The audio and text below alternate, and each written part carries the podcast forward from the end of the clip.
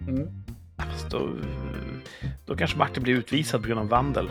Vi kan använda allting fram till dess. Ja, det kan vi. Kan blipa. Det måste finnas någonting där. Måste finnas någonting vi kan använda. Kanske måste klippa.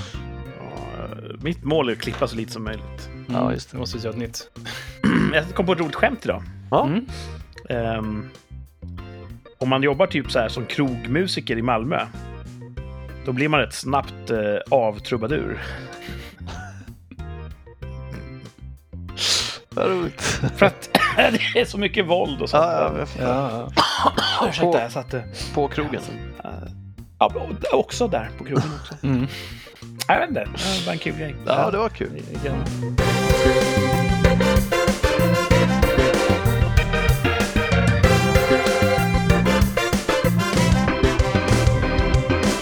Hej hopp alla lyssnare! Nu kör vi igen ett avsnitt av eh, podden Rikssamtal. En podd där man inte behöver vara i samma stad för att prata med varandra.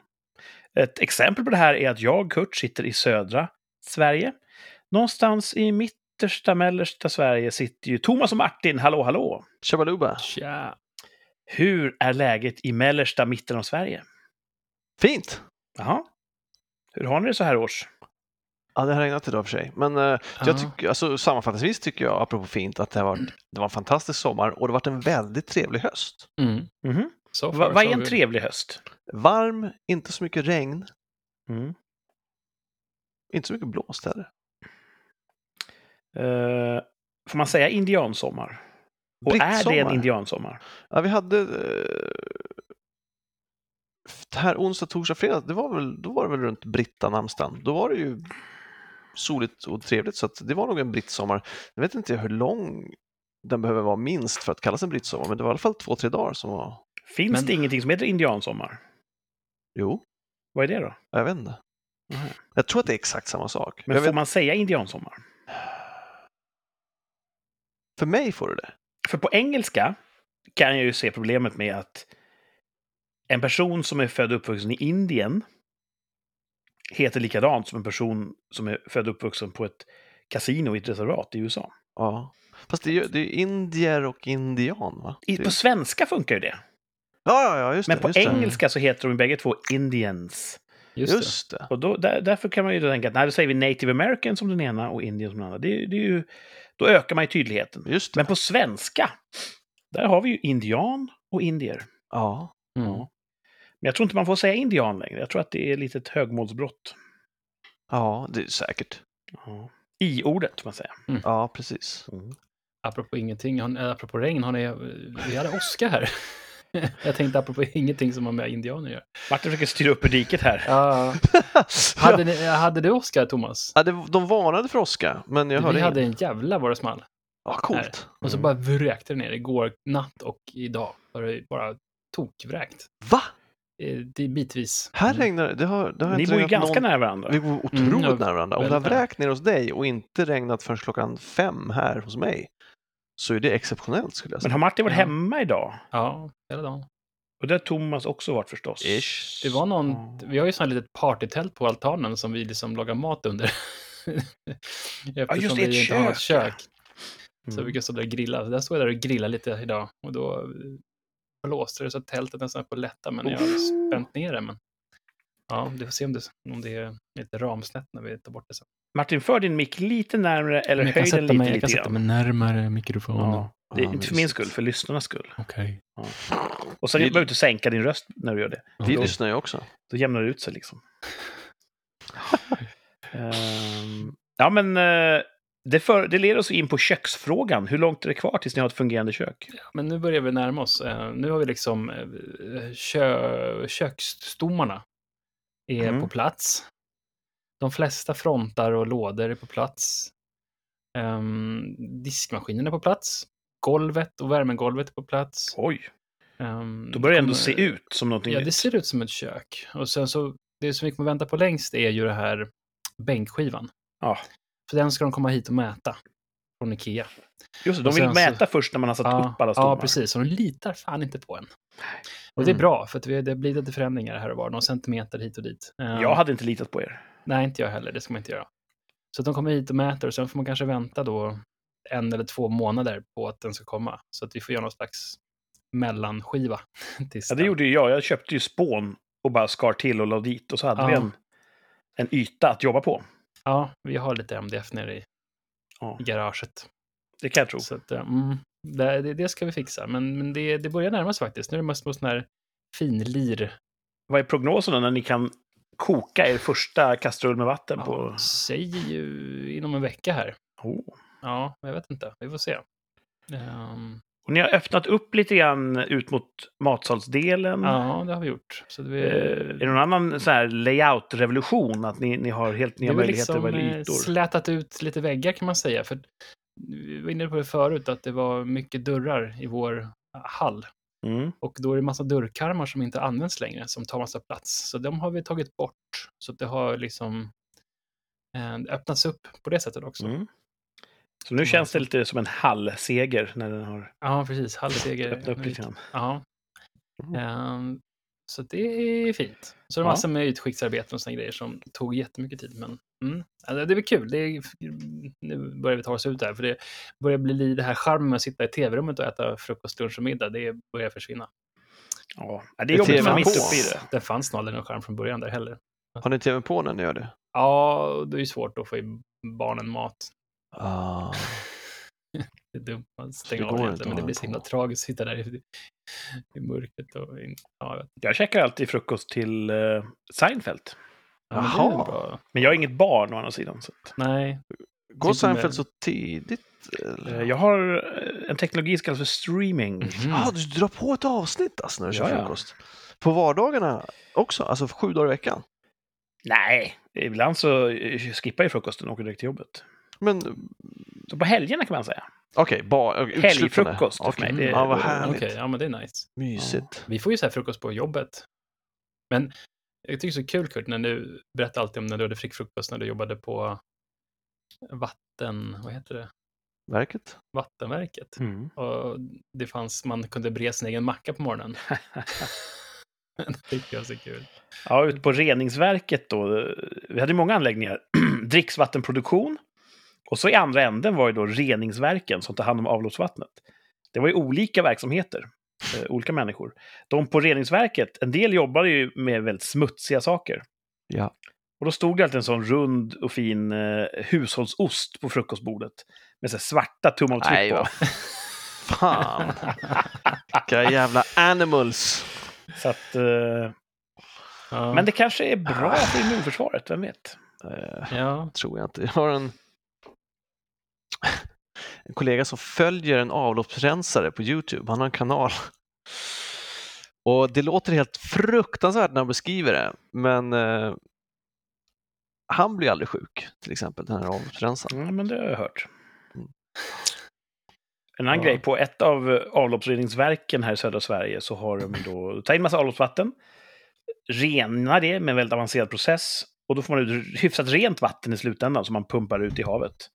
Och eh, all materia samlas ihop och läggs på, det kallas för slam kan man säga. Och det läggs då på hög och sen körs det ut på åkrar och används för att göda jorden. Eh, Men där den de- ligger deponerad, så här, i väntan på att åka vidare på den betongplätten, där växer det enorma tomatplantor. Ja. För tomatkärnorna tenderar att följa med genom hela kroppsresan och sen genom hela avloppssystemet och slutar där. Och då slår de rot och har ju jättemycket näring. Huh. Så enorma tomater. ja, det var intressant. Bra tips. Man vill gå på alla tomater någonstans. Just det. Ja, ta gummistövlar. Det är alltså den enda kärnan som följer med hela vägen. Eller den enda kärnan som lyckas leva i den mullen. Ja, så kan det vara. Det känns som det finns ganska mycket som kan överleva. Men Det är liksom by design. fler olika grejer. Ja. Ja, det är mycket fåglar och eh, sånt som blommor som är by design att de görs för att ätas upp. Och... Ja, precis. Hela deras livscykel bygger på att någon ska skita ut dem. Mm, precis. Mm, jo, men det måste ju vara också att, Det den här, att det är optimalt för tomatplantor specifikt. Det blir inte majs där till exempel. Majs.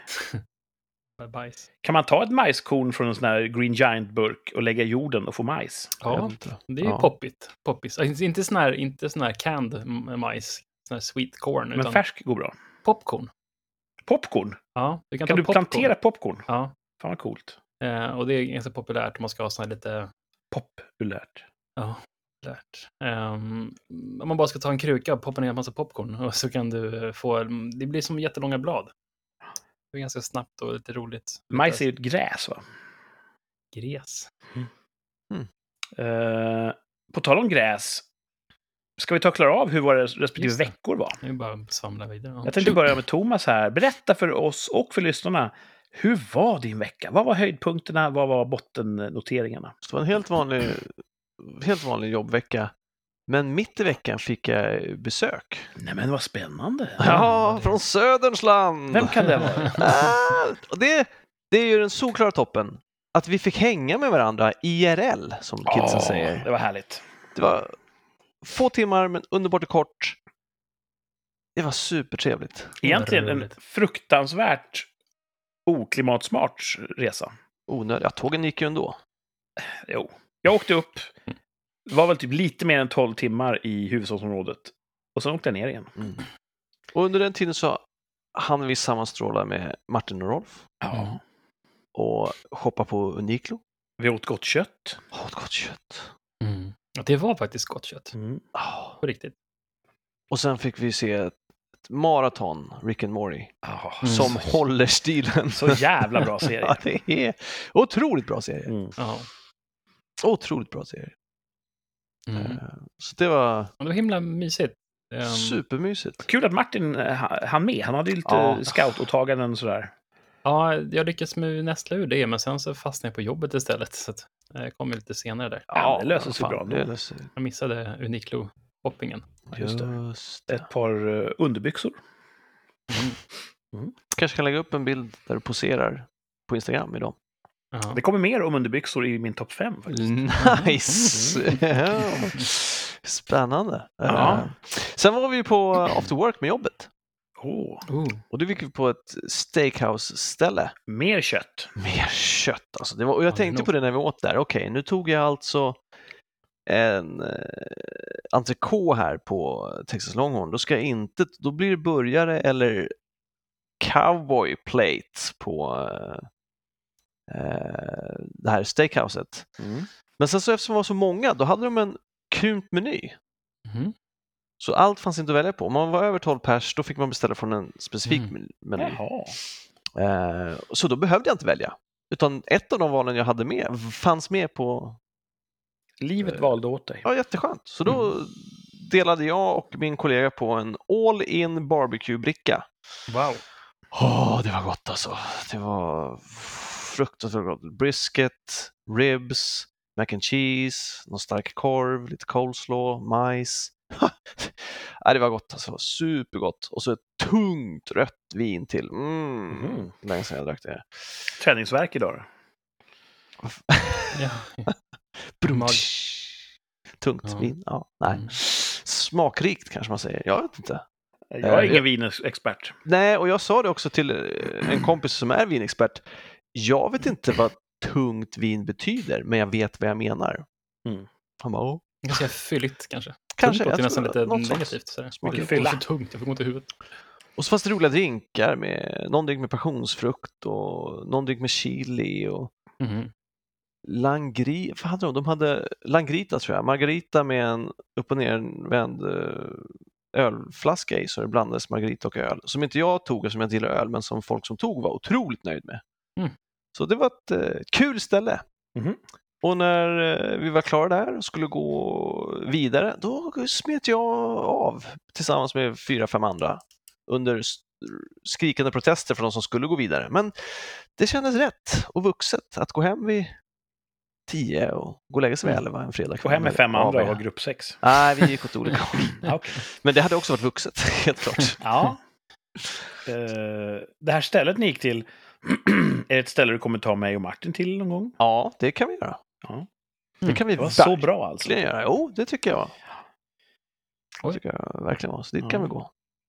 Eh, Härligt. Eh, vilken eh, kavalkad av kött den här veckan Mm. blev för dig. ja, superbra. Mm. Jag är mycket nöjd med det. Men vad var sämst då?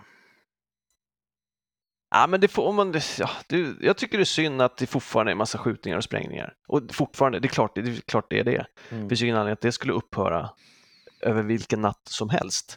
Det är inte som att orten bara, hej har ni hört? De har ett mandats övertag i, i riksdagen. Väst vill sluta skjuta. Ja, nej, jag, nej precis. Alltså, men det här hade jag lika gärna kunnat sagt i januari eller februari. Det, det tar liksom aldrig slut. Uh, och nu var det ju en hårt arbetande familjefar som blev skjuten i Göteborg. En taxichaufför. Så. Sånt upprör Mm. mig otroligt mycket. Att Ja. han, han hade ett heltidsjobb, han jobbade extra som taxichaufför kvällar och helger för att försörja för sin familj. Alltså han sliter och Mm. lyckas, alltså ge, lyckas antar jag, ge dem mat och husrum och fritidsaktiviteter för att han jobbar så jävla hårt för sin familj.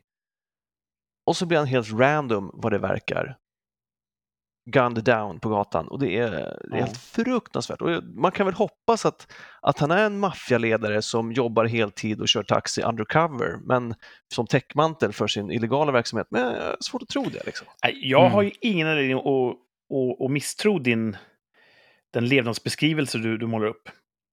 Men jag vill ju någonstans tro, det, mitt naiva jag vill ju tro att han kanske var en skurk ändå. Det skulle vara så mycket lättare att hantera. Ja, Mm. men Det, finns ingenting pekar på det. Jag vill ju inte förtala en död. nej, jag vet inte när han skulle ha tid att vara skurk med tanke på hur mycket han jobbar. det känns som att Mm. media säger så här, ah, men han var ju skurk. Men när det är tvärtom så är det inte så att man gör en artikel om det här killen var det som blev skjuten, utan det är bara så att då glömmer man bara bort det. Oj då, det var en som strök med där. Ja, ja, precis. Många Det- skurkar som går åt, där ska ju tidningar sen skriva, hans mamma tyckte han var världens finaste kille. Ja, det Mm. görs mycket snyftningar om gangsters. Ja. Mm. Och är det ingen sån, då kan man väl anta att då var det en bra kille. Är det så Ja. det fungerar? Ja, det är så jävla märkligt alltså. Mm.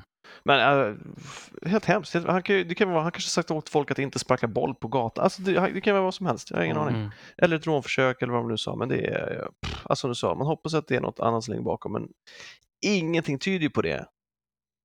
Och då får jag ännu svårare för de som vurmar om de stackars, inom citattecken, kriminella. Mm. För de hade kunnat valt att jobba heltid och bli taxichaufförer istället. Ja. Hur Mm. svårt de än har haft det så finns det valet. Liksom. Ja, det, så det var lite botten, men i Ja. övrigt så har det varit toppen toppen i veckan. Så samhällsutvecklingen, botten, men du äter kött. Ja. Så du har det bra. Jag har det bra. Och eh, utom räckhåll för kulornas Ja, eh, det kulregn. vet jag inte. Det sköts ju i en stadsdel här i närheten i, i natt. I går natt. Har någon av er någonsin hört skotten? Tror inte det. Men jag vet, Eller explosionen? vet ej. Det skjuts ju mycket fyrverkerier av någon anledning. Ja, det gör det ganska ofta också. Jag vet inte, för det är från samma håll och det är ibland vardagskvällar, ibland vardagnätter, ibland dagtid. Jag vet inte vad de håller på med. Vilken Nej. verksamhet det är eller varför liksom. Med tanke på hur mycket det skjuts så tänker man ändå att förr eller senare måste man åtminstone höra det. Men jag tror, ja det är så svårt det där, men det är svårt att få det svart på vitt. Men det, det skjuts ganska mycket omkring där jag bor. Det var Grannarna sig. på gatan som skjuter. Ja, men typ så. Det, det lugnar ner sig ganska senaste tiden här. Så. Men det har varit mycket skjutningar och dödsskjutningar inom, vad ska man säga, två kilometers radie. Och då eh, har ju mycket sådana här i, i forumen på Facebook, så här, ja, men hörde ni det där? Det var ett skott eller var det en fyrverkeri? Eller? Mm. Och eh, ibland så är det för skott. Så där. Så det, ja, Det är också helt, helt vansinnigt att man pratar om det här i normal samtalston.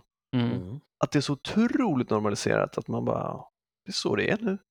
mm, Och det är ju ingen aktiv handling. Det är ju ingen som bestämmer att nu ska det här vara normaliserat. Det är ju en psykologisk funktion. Mm. Det är det här... eh, Det finns en jättebra film som heter Man Bites Dog. Mhm. mm. handlar om en belgisk eh, seriemördare, eller är yrkesmördare. Eh, Men själva begreppet, det är någon gammal, jag tror att det är en nyhetsstrof liksom att eh, för dog bites a man, så är det ingen som bryr sig. Det är Mm. bara när a man bites a dog som det är nyhetsvärde. Mm. Så när det skjuts hela tiden, då är det en större nyhet att det inte skjuts till slut. Ja. Så, eh, men jag håller med, det hade varit bättre om det var vanligare att det inte sköts. Mm. ja. Ja. Eh, vad säger Martin då om allt det här? Och, om vecka och toppar och bottnar och sånt där? Ja, men, nej, men, man vill gärna så här när man Ja, det var bättre förr liksom. Din topp var förr.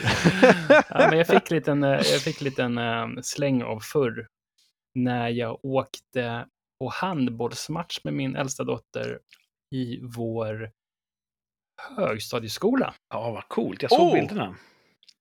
Då, då är det down memory lane liksom. Ja, Så- känns så allting du- pyttelitet. Ja, fast ja, det då tänker man så ja, det hade ju våra eh, gymnastiklärare i Göra och Evan och Göra och Eva. Och, ja, sådär. Tänker Har de renoverat eller såg det ut som... Ja, det var blå, blå matta nu istället för grön.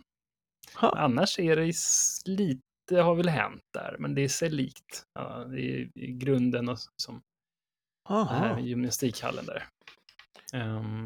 Jag kommer ihåg när vi hade som här... eh, vi hade volleybollmaskerad. Ja, just Ja. det. Och då tror jag att några av de tuffa killarna i klassen hade tagit så här små, små så flygplansflaskor med sprit och hällde över sig, för de hade klätt ut sig till uteliggare. Så de luktade alkohol. Ja. Eh, De gick in för, eh, för ja, mycket rollen. jävelskap Också på den tiden. Så. Moget att vaska det när man är så sugen på det när- i den åldern. Kan nog ha smakat lite också. Ah, kanske. okej. Ja. Mm. Eh, och sen, men, så, så det är kul att åka liksom där i de trakterna. Så säger de, det här, Ja. säger man dottern, här bodde ju Thomas. Och, så, ja. Mm. och sen åkte vi hem för att avnjöt en fantastisk eh, lördags, lördags eh, lunch hemma hos eh, min mor. Älgfärsbiffar, Mm. fantastiskt gott. Så det var ju liksom ja, en liten back, back in time eh, lördag. Gött. Och sen, eh, alltså jag hade ju ganska, det var mycket på jobbet och sen så blev vi lite lugnare på, på, på fredagen. Så då blev det ju bara sådär apatisk fredag. Jag fick inte någonting gjort istället. Det är väl klassiskt för mig när jag jobbar hårt och sen så lättar det lite grann på trycket, då, då brukar det bara bli tvärtom, att man inte får någonting gjort istället. It's the best. Så att, eh, jag satt och chillade på jobbet, kanske med... Jaha, inte okej. nog. Det var på fredag dag som du gick in i väggen. Det var ja, ja. när du kom hem och gjorde ingenting på kvällen. Nej, det var bara, ja, nu är det lite Du satt på jobbet. Jag har saker att göra. Och jag fick ingenting gjort. Jag försökte, men det gick inte bra. Så mitt fokus var inte på plats. Men det var okej. Jag har jobbat sen. Jobbat igen fredagen under veckan kändes det. All right. Men eh, jag bytte. Fredagen började med punka på cykeln. Nej. Så då fick jag öva på det. Och det gick ganska fort ändå. Eh, Det blev inte så sent i jobbet. Ehm, så det var spännande också. Men eh, var det mellan hemmet och jobbet så du fick göra det i Nej, fält? jag, jag, jag, när jag rullade ut cykeln så hade jag som kört över ett, en sån här häftklammer. Hur man Mm. du kan få det liksom i, genom däcket, det är ju ganska skickligt. Mhm. Um, de det känns som att de måste mycket till om de ska hoppa in i ett däck. Men i alla fall, det hade jag fått in. Så jag hade punka. Det måste man ju öva på ibland ifall det skulle hända skarpt. Inte för jag har med mig någon slang ut när jag kör, men, men ändå. Nu är det Kurts tur att berätta, för nu börjar jag svamla. Vad så för nu? Kurts tur att berätta, för nu bara svamlar jag. Jag hade, eh, toppen eh, var helgen och givetvis att Kurt kom upp. Eh, botten, jag har ingen direkt botten. Förutom att allt Punka. Punka är väl? Ja, det var inte så Ja.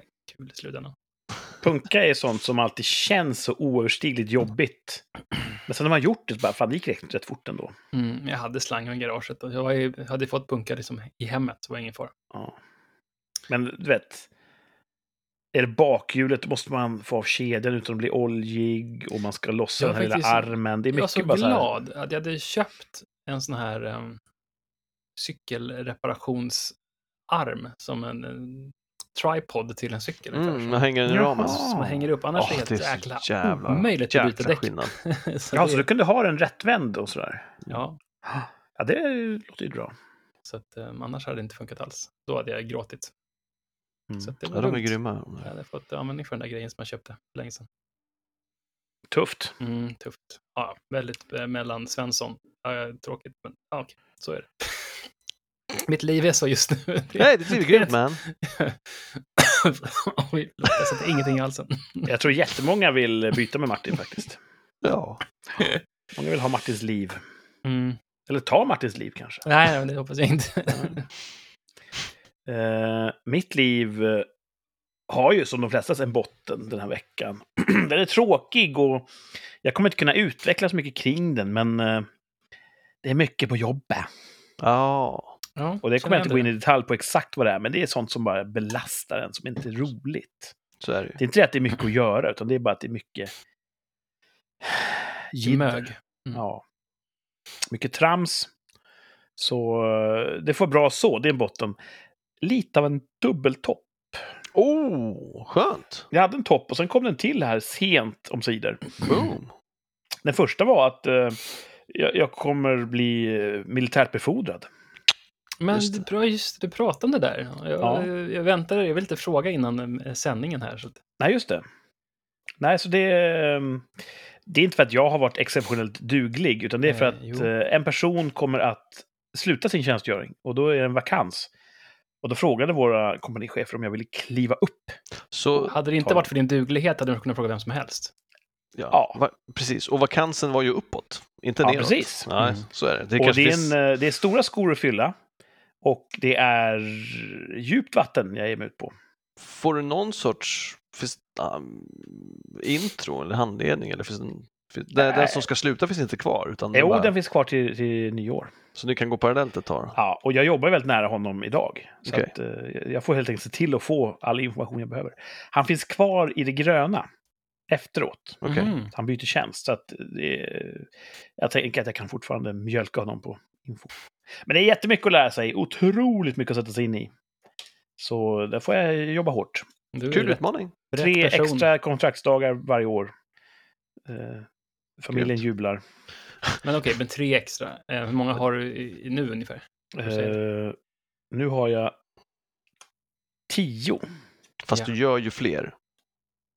Ja, Det är ja det gör man. då. Alltså. Kontraktsdagarna är de man ska göra för att få sin premie.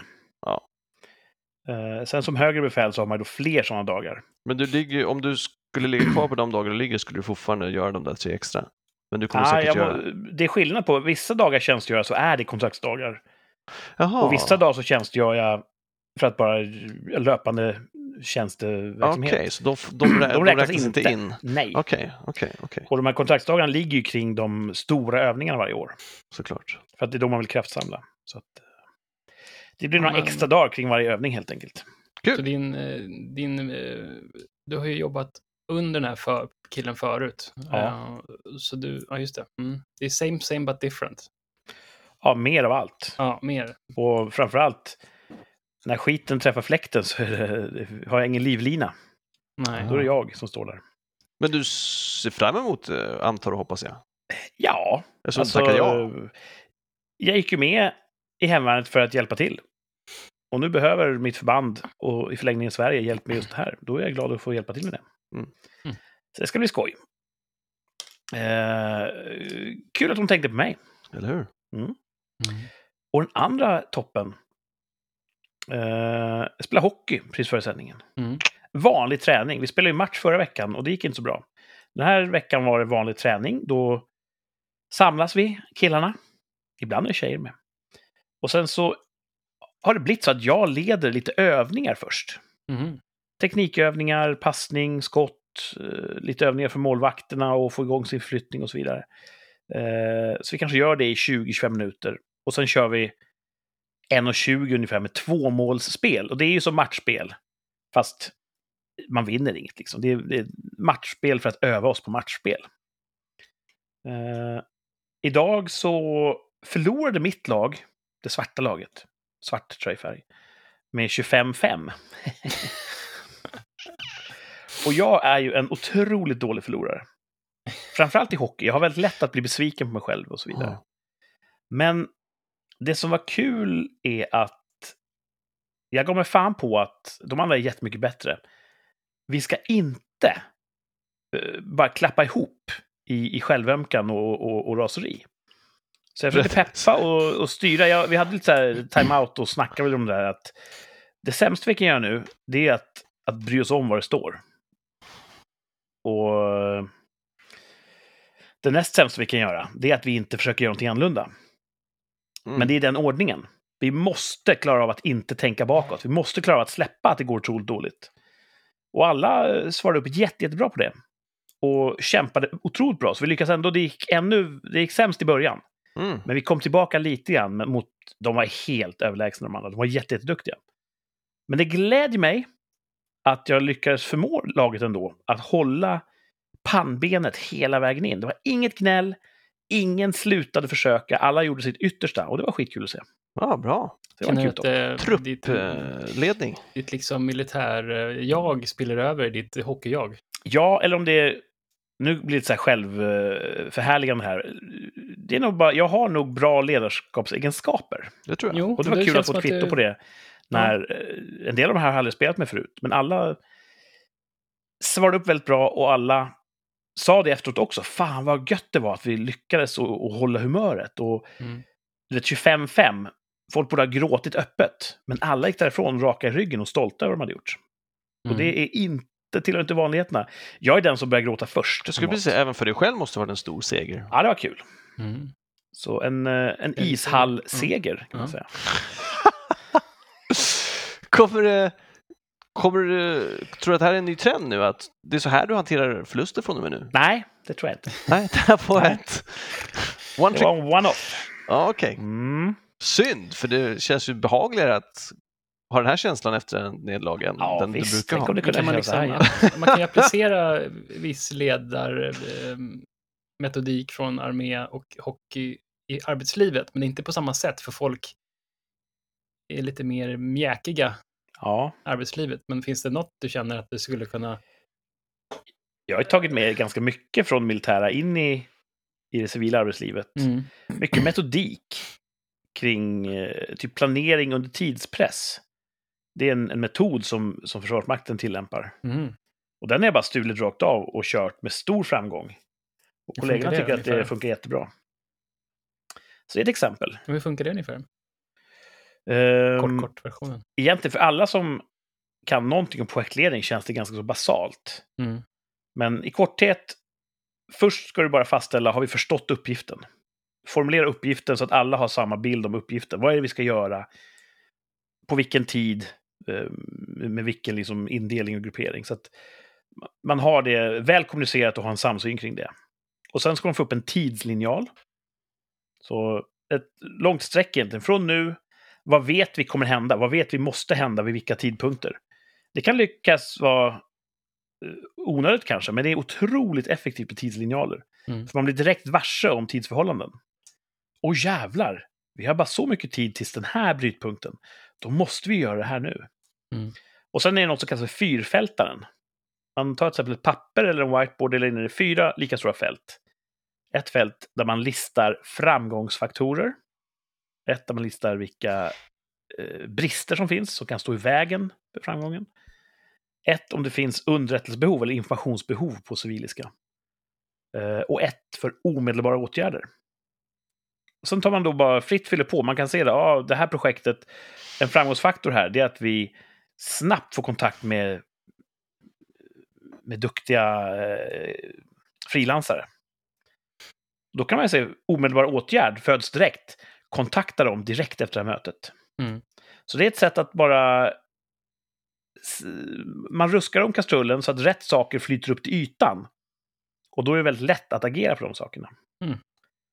Så det är i korthet planering under tidspress. Coolt. Funkar jättebra. Så. Ja. Ja. tycker det är häftigt när det blir lite sådär härliga korsbefruktningar. ja.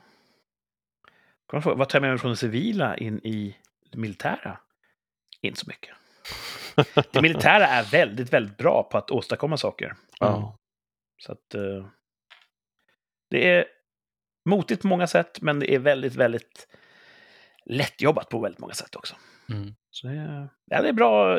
Som tidigare när jag har hoppat mellan regissörs och skådespelarrollerna. Det är alltid kul att få det andra perspektivet och man tar med sig de bästa, det bästa från bägge världarna. Så är det här också. Man lär sig mycket i det civila, man lär sig mycket i det militära. Och man blir en bättre människa. Mm. Mm. Och det är det Ja. vi alla vill. Ja, men det är bra ibland att man kan ta med sig saker istället för att fallera åt olika håll istället. Så att man, om man eh, kanske blir om man är en dålig fotbollsspelare så blir man en, kanske en ganska, då blir man en coach som kanske inte är riktigt är bra heller. Ja, men precis. Så, ja. Eh, det var toppen. Mm. Eh, topp. befordran och viljans triumf på hockeymatchen. Eh, matchen. Mm. Gött. Mm. Vi pratade om det här förra eh, veckan. att det är så lätt att kliva i, eh, i så här nazistiska ordstäv. Vi är väl uppe i tre i det här avsnittet tror jag. Ja, jag tror det. Så, ja. Ska ha en sån liten pling, Pling. Som, som räknar varje gång vi, vi försäger oss. Tjejer. oss. Ja, för tydlighetens skull, jag är ganska övertygad om att ingen av oss är nazist. Ja, just det. Nej. Så att det måste väl sägas Mm. Dessa tider. Mm. Men hur vet man om någon är nazist eller inte? Ja, det är, ändå, det är ju den här Mm. bara Robert Gustafssons granne som man vet det så tydligt på Ja. första han säger. Armbindeln kan vara en, en dead giveaway. Giveaway också, just Ja. det, precis. Men tar de av den? Jag menar, skär du en nazist så blöder de rött de också. Jag, t- jag tänker, ja, jaha, när tar de av den? N- när de tar av den, precis. För den hör väl till högtidsklädsel, va? Det var ingenting man hade liksom... Ja, det var en del av uniformen, eller hade ja. de... De hade alltid armbindel, eller var det bara när det var fest? Det var, måste ju bara varit när det var fest. De hade ju inte det på gymmet, va? Eller så liksom Ja, men inte kanske ute i fält heller, va? Eller hade de det? på jobbet. Nej, nej det måste vara till paraduniformen. Mm. Ja. Ja. Och det var väl... Det var väl först en partisymbol som sen vart en nationell symbol. Mm. Det var väl en del av uniformsplaggen. Jag Fick alla ha? Hade alla Jag får, jag får inte upp någon klar bild i huvudet om hur ser en nazist ut. Var det bara offic- officerarna som hade det? Eller var det... Allt jag kan se framför mig är de här väldigt vida byxorna. Ja, de Mm. hade ridbyxor allihopa. Det är snyggt på ett sätt alltså. Nej, det tycker jag inte. Ja. Varför sådana ridbyxor? Varför är de så vida? För när du sitter ner på en häst så behöver du ha det extra tyget. Mhm. Så det är dit, när man står i vakt och man bara ser de här som enorma äppelknyckarfickorna. Ja. Det är där knäna tar vägen när man sitter på hästen. Nej, men det tyget går ju åt för att när du böjer benen över hästryggen så då blir liksom benen längre vad, vad byxorna anbelangar. Men de här vita ridbyxorna som man ser i ridsport nu, de är jättetajta. Ja, men de är stretchiga. Mm. Ah, Okej. Jag tror inte stretch var uppfunnet på nazisttiden. Men red Nej. alla nazister då? Hade alla häst? Eh, Hade, varför hade alla ridbyxor när det bara var ett fåtal i kavalleriet? en del Mm. kanske vill ge sken åt de red. Det var lite så här preppy. Okej, ja. Mm. ja. Vi kanske ska ta in någon historiker som är expert på nazismen och så får de berätta om... Jag har inget svar på de här frågorna. Nej, vet, Nej. varför hade nazister ridbyxor? Mm. faktiskt. Hur hamnar vi Eh, här? De svåra frågorna. Var det här en segway? Nej, faktiskt inte. Men jag kan... Nej, jag skiter i segwayen. Ska vi köra topp fem? Ja, Ja, men Mm. gör det. Jag pratade om att mina underbyxor skulle vara en del av uh, topp det. fem. Det här ska bli Mm. spännande. Kanske Eh, lite, Ridunderbyxor. kanske få lite veta nya saker om Kurt.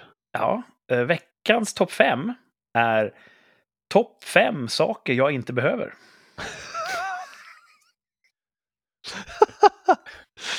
Shoot! Ja, vill ni höra? Ja. Topp fem saker jag inte behöver. Längre eller kanske aldrig behövt. Vi får se. På femte plats, topp fem saker jag inte behöver. Gylf. På underbyxorna framförallt. Mm. Mm. Mm. Det har jag haft mina underbyxor nästan hela livet. Mm. Ibland köpte morsan en modell som inte hade gylf. Och det kändes fel. Men jag har ju upptäckt nu att min metod, den inbegriper inte att använda gylfen så som den är tänkt. Nej.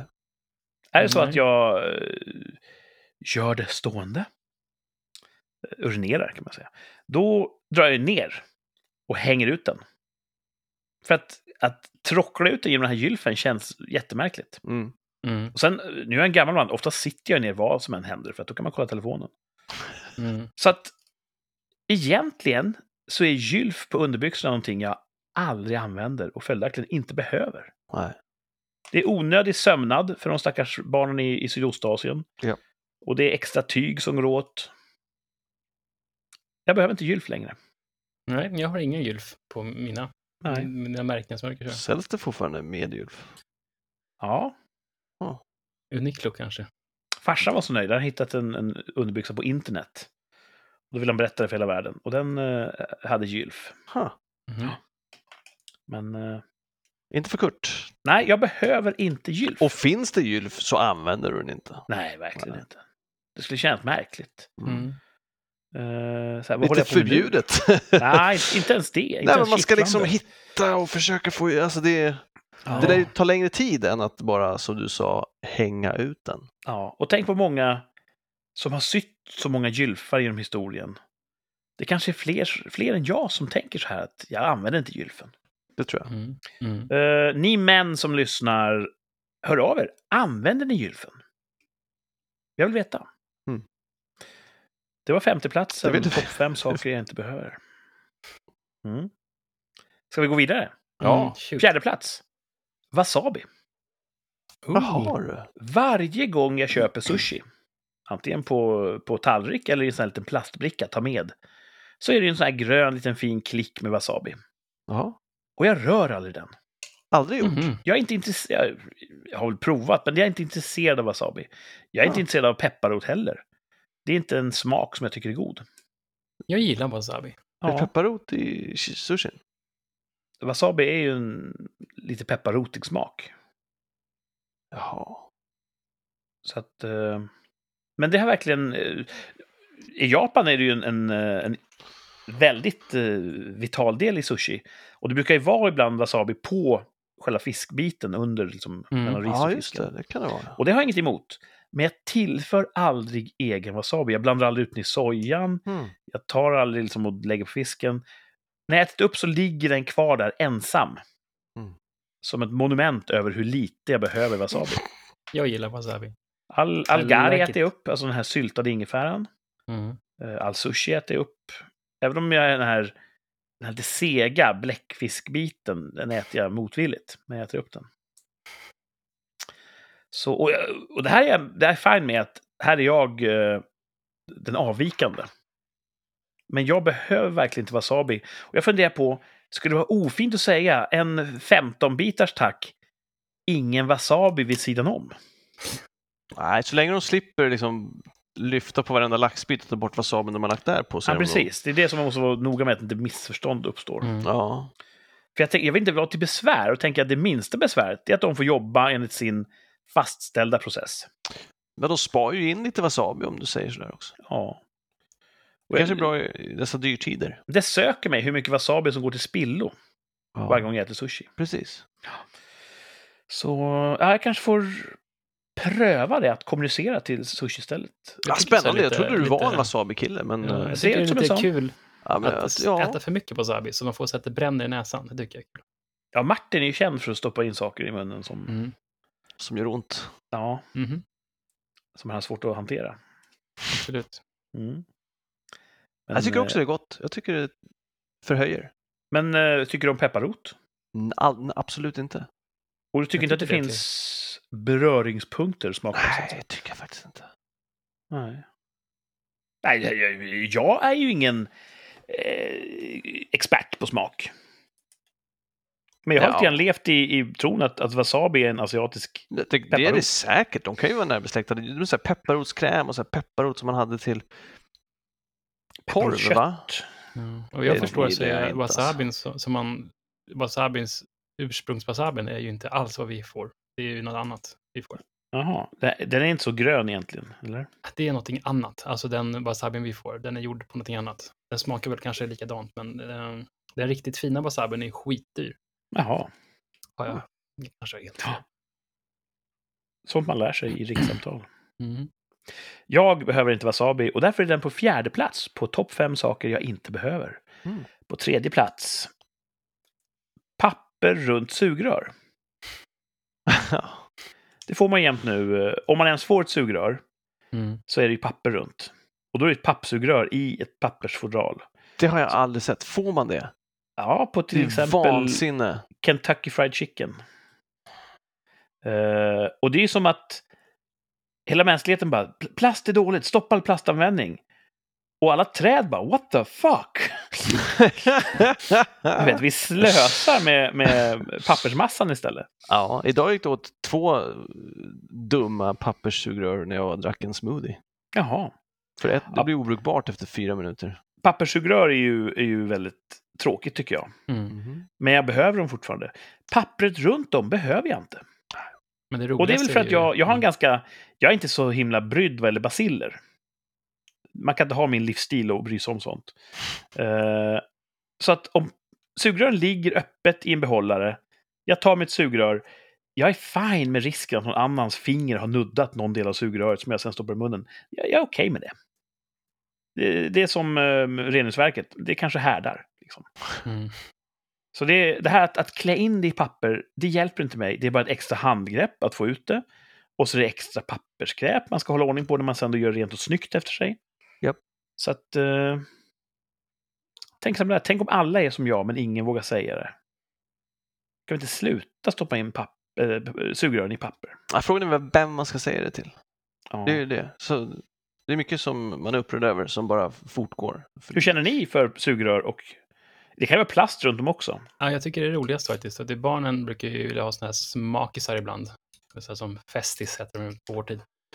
Eh, Och de brukar oftast ha pappsugrör som är inklätt i plast. Och det tycker jag är så jävla fel. Och just för barn och pappsugrör, det är liksom, ja, man får ju slänga halva Festisen när, när de har druckit. Det, är ju bara, det är bara pappersmassa. Det Ja. är ju Vansinne! det dummaste jag Det- vet.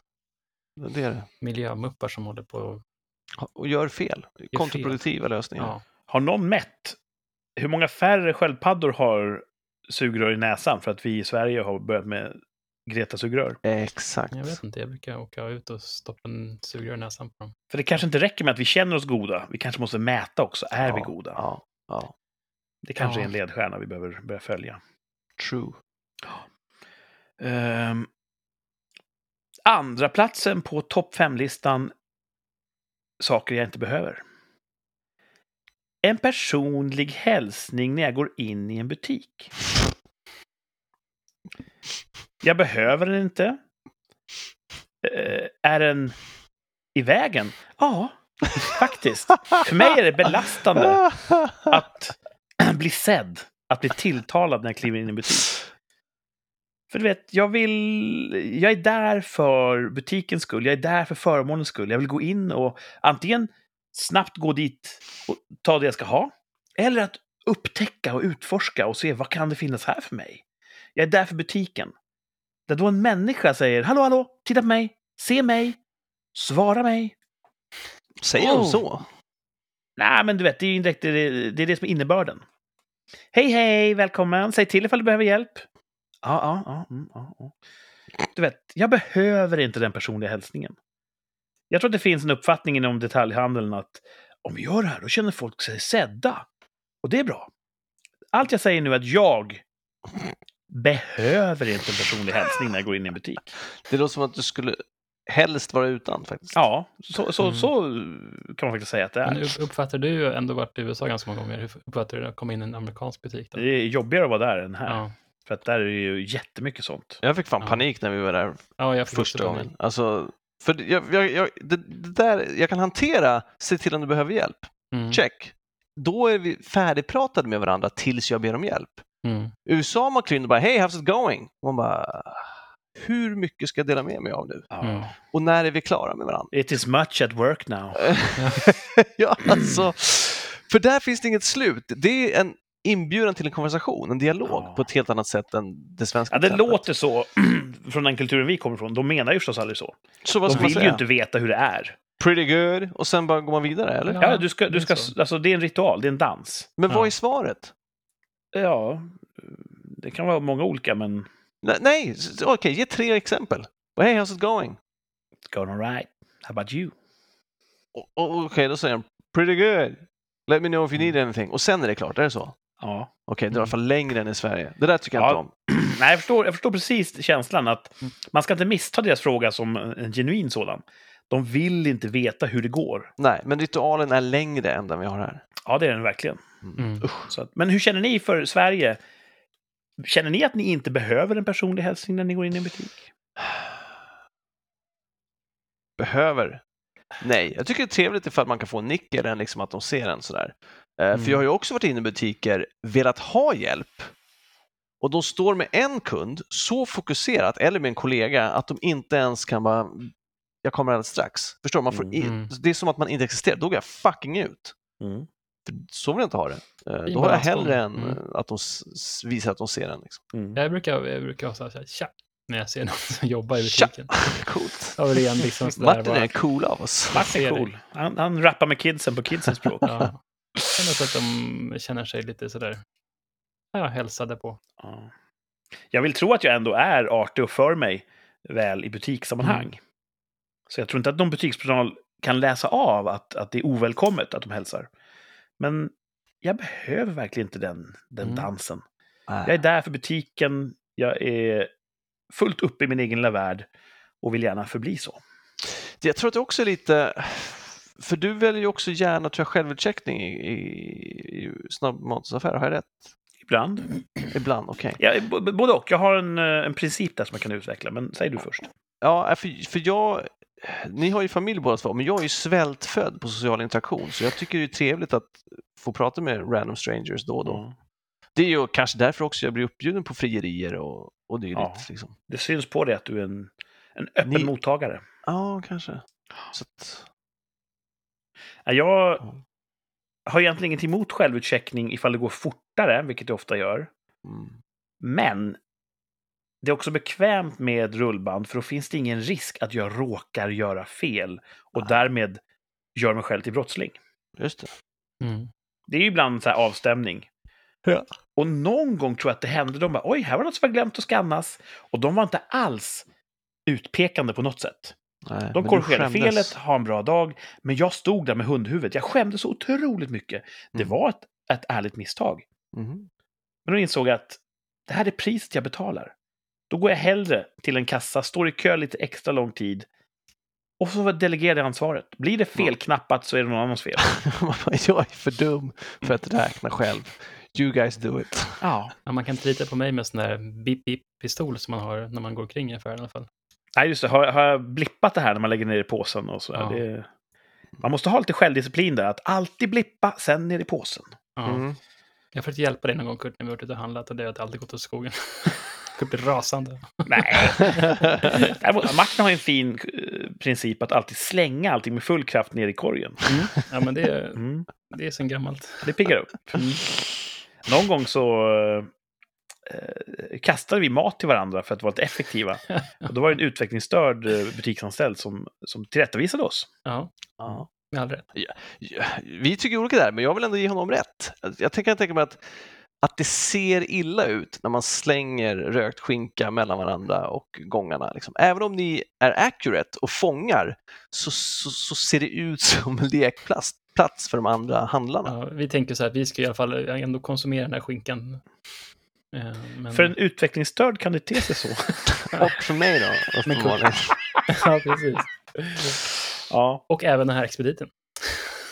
Nej, jag vill tro att vi, vi är inte som så här värstinggänget i, i Grease som springer runt och, och räcker ut tungan åt damerna äh, och kastar mat omkring oss. Det Fast en- det ser ut så just då. Men det var en effektiv... Här är den här, Martin där borta med korgen. Kast, kast ner i korgen. Du Vet, det var ingen som tog skada. Men är man utvecklingsstörd och liksom, God bless him, eh, så kan det vara svårt att hantera den typen av... Eh, Ja, och för mig av då, som, avsteg. som, det låter nu tredje gången det som att jag insinuerar att jag också är utvecklingsstörd, men jag säger absolut inte att du inte är det. så, så är det. Mm. Ja. Nej, men eh, det var andra platsen. Topp fem saker jag inte behöver. En personlig hälsning. Ja. när jag går in i butik. En kvar. Vad är det jag inte behöver? Jag behöver verkligen inte utvecklingssamtal. Mm. Och nu skulle ni många bara, ja, fast det gör du nog Kurt. Du, du är inte fullärd. Nej, det köper jag. Jag är inte fullärd. Men utvecklingssamtal för mig, det är den här en gång om året schemalagda grejen. Ugh. Man kommer in och sätter sig där med tvättad hals, sitter fint och så ja, här får du allt bra som du har gjort under året. Och sen står det i min chefsmanual att jag måste säga någonting dåligt också. Och då får de gräva långt jävla ner i tunneln. Och så drar de upp någonting och tänk på det här. Och du vet, jag inser att det där är bara skitsnack. Det är en konstruerad jävla brist för att de ska kunna checka någon jävla checkruta. För i, vad de anbelangar är jag så jävla nära fulländat man kan komma. Så att för mig är det bara en löjlig charad med utvecklingssamtal. Jag känner så här. Behöver jag utveckling, då går jag och pratar ad hoc med min chef. Om Eller chefen ser någonting Ja. som de inte gillar, då får de ta det med mig. Men när det är en sån här, hopp, då är det dags för det årliga utvecklingssamtalet, då faller hela idén. Mm. Då blir det bara en löjlig ritual. Mm. Men kan du inte säga det på nästa utvecklingssamtal, att när de är klara med det positiva så kommer till negativa, kan du säga att vi vet ju både du och jag att vi är klara här. Ja, men det säga. har jag gjort.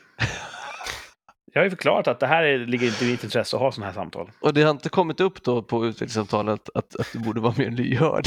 Nej, det skulle de inte våga. Men alltså, det är det här. Ingen, inte ens jag, är perfekt. Ah. Sen tror jag att man är som man är. Ja. Och du vet, den här utvecklingsstörda. Man skulle kunna ha utvecklingssamtal. Försök att chilla lite när du ser tuffa killar kasta skinka till varandra. Försök bara ta det chill då. Han kan inte ta det till sig. God bless him, liksom. Så det är meningslöst. Och så här, Martin, försök att inte bara späsa ut på fredagar när du har mycket att göra och bara så här, sitta och göra ingenting. Det är meningslös feedback, för Martin kan inte hjälpa vem han är. Nej. Det får bara Martin att känna sig dålig. Så absolut, ibland kan det vara berättigat med feedback, men det är otroligt lite av feedbacken som egentligen får någon som helst verkan i målet. Mm. Så jag att De flesta människor är som de är. ingen har egentligen nytta av utvecklingssamtal. Jag kan bara uttala mig själv. Hur känner ni inför utvecklingssamtal? Är det kul och givande? Jag, vet inte, jag har ganska många sådana här one-on-one-möten med min chef och tycker det är ganska sådär stämma av lite grann. Ja, Är det trevligt?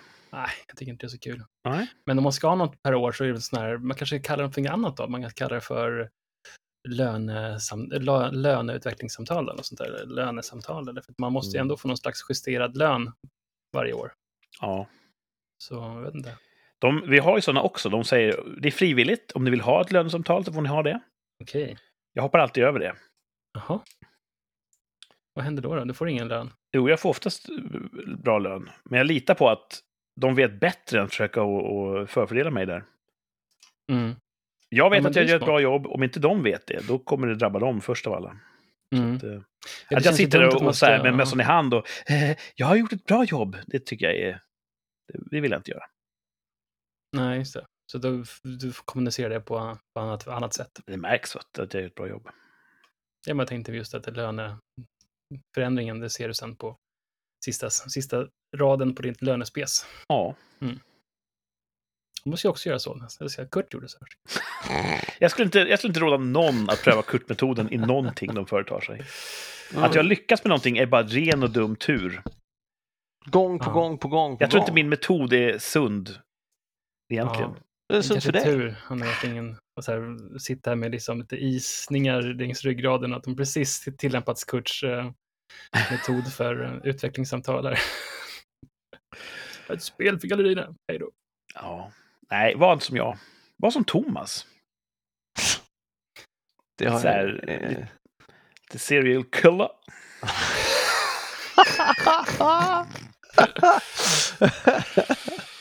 Oh. Ja, men det var min topp fem Ja, lista. bra Topp lista. fem Bra saker lista. jag inte behöver. Så Jag skulle säga det är skönt att inte behöva dem, men det är också saker som du inte behöver men som, eh, som du ändå blir påtvingad. Det är ju synd. Ja. Och jag kan ju hantera att få wasabi. Ja. Men jag vill bara vara tydlig med att jag får det och det funkar bra. Men jag behöver det inte. Mm. Precis som Jag- gylfen. ja, Jag tänkte på, på, på, på dig Kurt och kalsonger häromdagen. Um, Mm. För att jag gjorde, jag kände som jag gjorde en Kurt. Att jag köpte, Sket på typ- dig? ja precis. Eh, och då tänkte jag så här på nya kalsonger. Så jag, jag köpte 10 par kalsonger, typ 20 par strumpor, eh, 10 stycken t-shirts. Och ska bara, nu ska jag bara ta, för jag är så jävla trött på att så här, är det här strumpan som hör med den Ja, strumpan? precis, det är I kurtmetoden den- man kan ja. Så att eh, snart får jag ett eh, eh, paket på posten med... Gör en sån här the kit. a Great Reset i strumplådan. Ja, nu ska jag bara ta allt skit som Ut med allt, in med, med eh, homogena strumpor. Ja. Livet blir så mycket lättare. Jag kanske har kvar de här strumporna med någon pumpa på eller någon tomte på som jag fått av mina barn eller liksom. De ska vara jävligt lätta att skilja på i tvättsammanhang. Mm. För nu börjar det bli sådär att yngstdotterns strumpor börjar närma sig äldsta dotterns strumpor och äldsta dotterns strumpor börjar närma sig frugans strumpor. Så det är så här bara, i de här, och så krymper inte tvätten så ska man stå, ja, det är ett helvete. Sen får den ju göra en strumpreset åt hela familjen. Mm. Så att, Jag ska ju åka till Nordamerika i eh, november. Mm, Min plan är att sista hoppet på resan, vi kommer åka runt rätt mycket, då kommer jag köpa en stor billig resväska och fylla med strumpor och medicin. Det är en bra plan. Ja. De där strumporna, finns de inte att order online? Allt finns ju online. jo, det finns det säkert. Ja, okej, jag trodde du hade letat tror de inte fanns. Men eh, när jag ändå är där så. Ja, helt rätt. För Ja. köper du strumpor utomlands ifrån, då måste du betala tull när de kommer till Sverige. Det är så jävla dumt. Ja, precis. Mm. Så ja, strumprecept är fan inte dumt. Nej. Nästan en höjdpunkt i veckan här. Ja, det är väldigt glad. Ja. Ja, men det, det är en sån sak som gör livet så mycket bättre Mm. bara. Eh, jag tror inte Thomas kan anamma det. För du kan inte slänga någonting som fortfarande fungerar. Så är det. Men Thomas har en sån här first in, for, som first in, last out. Eller hur ska man förklara Thomas metodik? För du, du liksom har en hög med t-shirts och så tar du en ny så lägger den högst upp. Men du får inte använda den. Du tar en, så du förbrukar den längst ner. Eller så här Eller, köper jag något nytt så lägger jag det understa högen. Understa högen. Ja, precis Mm. så blir det. Tills jag kommer ner till den. First in, Ja. last out. Nej, first in, first FIFO. out. Mm. Problemet är att Berätta Fusk. vad problemet är. alltså, det Ja. där, här, det där har jag fått tvinga mig till att göra. För förut så la jag dem inte, jag la dem underst, men jag la ju den översta överst när man tvättade igen. Ja, precis. Så Det att, det att jag roterar dem, det okej, är kom det rätt ner till- Jag kom aldrig ner. Jag, hade ju, jag bara, åh den här t-shirten som jag köpte på konserten 2016, den har jag första gången nu, 2021. Ja, okej. Och det, Men det den var metodiken. jag tror Samtidigt är jag det kul att ha nya kläder som jag köpte för fem år sedan. Kul att kan dra fram en sån här mint condition, klass 9A. nu drar eliten, kvar med skiten. Faktiskt, det är kul. Det är som när ni beställer grejer och bara, och så kommer det ett paket och jag hade glömt det jag beställt och så är det någonting Ja. roligt. Eller att när ni beställer någonting så, you can't wait to get it. Det är ju lite samma sak, att I can't wait att det gått fem år och jag har kommit ner till Kent-t-shirten som jag köpte på deras sista konsert. Mm. Så att det är en present till mig själv som jag får i framtiden. Det ger ju ditt liv eh, förströelse och, och glädje. Ja, Men det funkar ju bara om man, om man har en sån kroppsform som du. Att man liksom, det är konstant eh, vikt hela livet. ja. samma kropp. Ja, det är som vi bara går upp och ner och upp och ner och så hit och dit. Och, Mest upp. ja. Det här vet ju nog inte många lyssnare, men Thomas har ju en extremt vältränad kropp. Nej, nu är du snäll. Han skulle ju kunna eh, knäcka valnötter med innan låren. Ah, ja, vet fan. Med Det är som knäna, parmesanost på magen. Mm. Och då, eh, när man har det då permanent, så är det ju ganska lätt att ha gamla kläder och- länge. Ja. Ja, men jag hamnade hade ju också en våffelkropp ett tag här i, i våras. Ja, och en våffelkropp på dig, det är ju typ så här, ja men det är en, en halv millimeter extra underhudsfett kanske. Ja, kanske. Th- thanks guys! Ja. Så att... Eh, ibland händer det att vi... Eh, när vi hashtaggar vissa saker Mm. Som, eh, som, som mappar bra mot, mot framförallt homosexuella subkulturer, Mm. då får vi jättemånga likes och folk som, som, ja, som upptäcker vår podd. Ja. Mm. Så alla ni som är här för det homoerotiska, det är framförallt Thomas ni ska se. Det är han som har kroppen. Det där är intressant, för vi pratade om det här ryggdunknings-instagrammandet. Ja. Att när vi får en, ett uppsving i likes på vår Instagram-post baserat på en hashtag, Mm. tror du att de lyssnar på avsnittet? Nej, det tror jag inte. Nej. Eller det, va, jag förstår inte hur den där? Ja, like-ekonomin går runt. Men det är, ja, Ja, vi har, det, det är ett första lager. Folk kan interagera med Instagrammen, lajka och sådär. Men sen att de kan komma till lyssning, det är, ett, det är en stor tröskel. Finns det ens en länk på Instagram till lyssningen? Ja, Okej. det är det. Så att vill man så kan man. Men folk har ju bättre saker för sig än att lyssna på podcast Men de går ändå in och likar en hashtag, det har de ork och tid Mm. med. Liksom. Ja, och de kanske hoppas på en, på en tillbaka-like. Ja. Tillbaka-kaka. Ah, Men så... eh, vi får ju alltid, eh, om man säger eh, utvecklingssamtal där när vi träffar Rolf, så han Han ska lära oss hur man sliter sitt hår när hashtagga. han ser vår hashtag. Vi har ju ingen, eh, ja vi kan ju obildbara när det gäller hashtaggandet alltså. Ja, Fan vad kul det var att träffa Rolf. ja, det var roligt. Ja, Ja. fin kille. Kan vi inte ta in någon som permanent hashtag-konsult? Ja, men det kan vi göra. Ja, ja. Eh, Då får ju hashtaggandet, då får ju Instagrammen läggas upp efter att han har hört avsnittet. Så han kan hashtagga Ja. rätt. Ja, just det. Mm. Är, är världen beredd att vänta ett extra dygn? Nej, det är det som är frågan. Nej. Ehm, vi är ju oftast ganska snabba.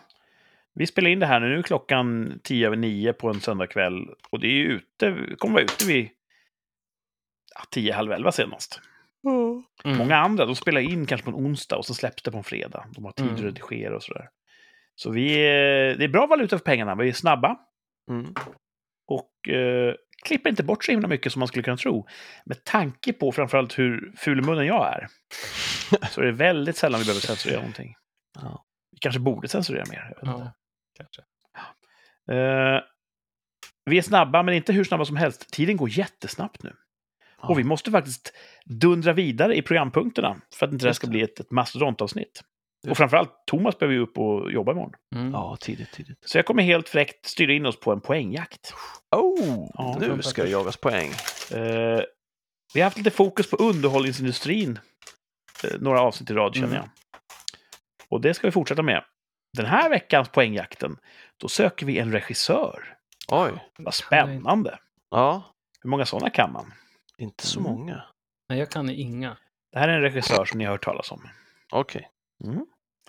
Vi börjar på fem poäng, den svåraste nivån. Född 1965.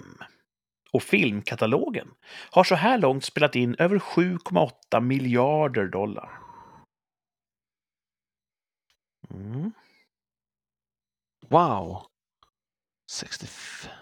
Då har ni, om ni räknar lite, en ålder och ett uppskattat och värde på samlade produktionen. Det kan för en del räcka. Ja, Ja, men alltså.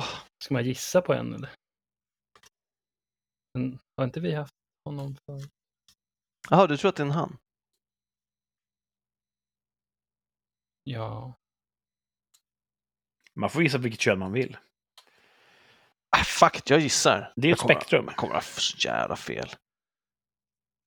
men är det mycket sjukt? Det är coolt att gissa på fem alltså. Det är coolt. Ja, men ska jag inte göra det då? Jo, gör det. Jag tror att du har rätt faktiskt. Det är bara för att du vet svaret. Ja. Och jag läser dig som en öppen bok. I wish. Men jag tror, ska jag, var det en tjej då eller?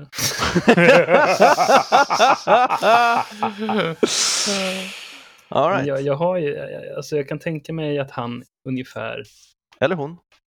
eller hon, är född då. Det är ett spektrum. Um, Nej, jag, kan- jag vet fan alltså. Alltså, Kom igen, Thomas har gissat. Vad säger du Martin? Vad är det för ursäkt? Eh, okej, ja, nu har jag två på gång här. Ja. Oh shit, det har inte jag. Då har du dubbelt så stor chans. Kommer Martin att gissa eller? Vill du höra en till? Okej, ledtråd, jag vill höra en till då. Om Thomas har fel och du tar på nästa, då får du fyra poäng och han får noll. Mm. True that. Så att vi, vi tar fyra poängaren här. Låter det bra Martin? Mm. Mm. Fyra poäng. Vid 15 års ålder var han praktikant hos George Lucas. Han arkiverade storyboards för första Indiana Jones-filmen och trodde själv att den skulle bli dålig. Mm. Fick vi lite mer information. Ja, okej, det tror jag inte att det är han. Född 65. Han har spelat in över 7,8 miljarder dollar. Jesus Christ. Vid 15 års ålder, praktikant hos George Lucas, arkiverade storyboards för Indiana Jones och han trodde baserat på dem att det här blir en jättedålig film. Vad säger Thomas? Är du som... Han har ju pokerface. Ja, han har ju det. Är, du... Han ser lite glad ut där. Han ser ut som en glad ost.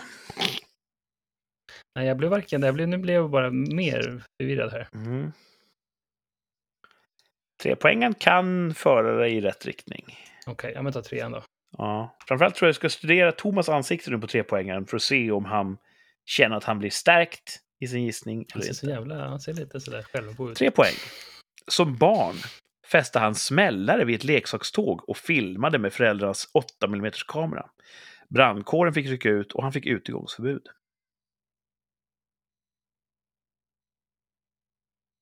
Thomas är en stenstod.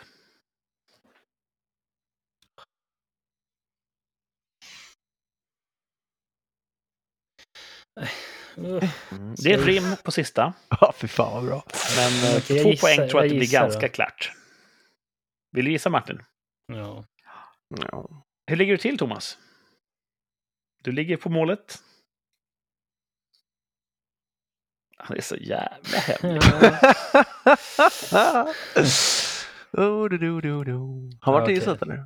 ja, jag gissar. Har du klivit på? Klivit av? Har du klivit av? Ja, Har du klivit, har du Bägge två har klivit av. Martin på två poäng, Thomas på hela fem poäng. Nej, Nej, tre poäng. Tre poäng. klev Martin av på.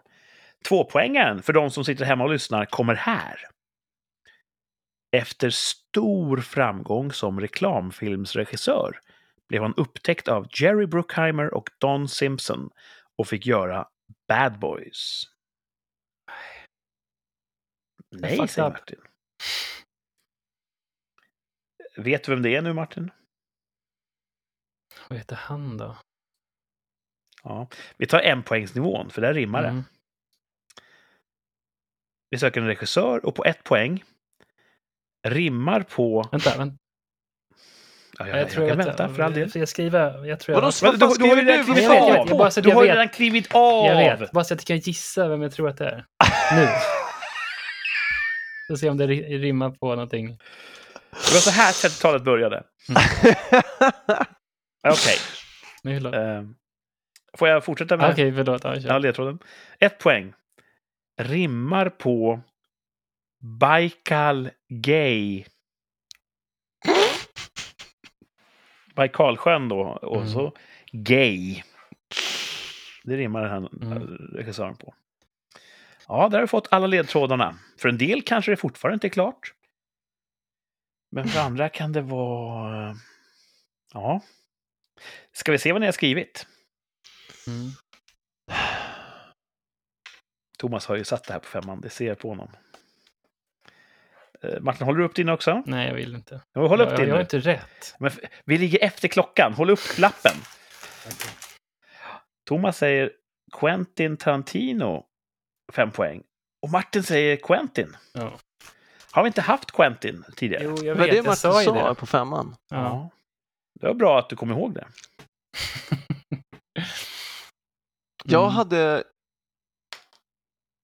ingen aning. Jag förstod att jag hade fel på tvåan, Mm. men jag förstod inte, visste inte vem det var förrän på ettan. Ah, ja, då var det ju Jag en tänkte svår här, poängjakt den här gången. Jag tänkte så här, det kanske kan vara Tom Cruise. Han är ju regissör. Ja. Han har regisserat typ massor med filmer. Han måste vara... Eh, när han Hur gammal är då? han För att egentligen? Quent, Quentin kanske också är mycket äldre än... Fan, hur gammal? Jag tror inte att Tom Cruise har regisserat. Har inte han regisserat? har kanske producerat bara en massa. Producerat, okej. Jag, kan, jag kan inte skilja på de två sakerna. Det, det är typ samma sak. Det, det är många som inte kan. Eh, Okej. Oj, vad svårt det var den här gången. Sorry. Men hej, det är... Men vi lärde oss något nytt om Michael Bay. Verkligen! Han, Han är ju då... så jävla mycket pengar alltså. Han har gjort Armageddon, eh, Ja. The Rock, han har gjort eh, Transformers-filmerna. Alla. Uh, jag tror det. För de blir ju sämre och sämre. Ja. Ehm, och 7,8 miljarder dollar. Han är en av de som har spelat in absolut mest pengar. Men han har ju ett lite sådär... Han har ingen hög, eh, hög valutakurs hos eh, filmkritiker. Ah. Anses ju vara en liten en klåpare sådär, som bara tycker om att Klåpare spränga saker. Ja, det är kul med explosioner. Jag själv tycker eh, om Michael Bays filmer. Han har gjort Mm, mycket bra. är ju 13 speciellt hours är ju fantastisk. Pain and Gain är inte dum. Mm. Så han kan även göra andra saker än bara pang och rödbetan. faktiskt. Och han var ju praktikant hos George Lucas när han var Det är 15 lite bast. Ja, han eh, fick ju då hantera bland annat eh, storyboards. Det är en sorts teckningar som man gör innan inspelningen för att visa ungefär hur scenerna kommer se ut. Och när han höll på att spara dem där i pärmar så tyckte han att det här blir en jättedålig film. När han såg den färdiga filmen Ja. så sa han wow, vilken skillnad. Nu vill jag bli regissör. Jag skulle precis säga det, för det har vi ju pratat om ibland. Alltså, hur blev det här manuset sålt? För på manusplan, manusplanet så måste det här låta helt bananas. Och han gjorde väl en viktig lärdom där då, att han bara okej, det här ser helt crappy ut. Och så Mm. blev det bra. Ah, det, måste, det är någonting däremellan som Ja. man gör. Liksom.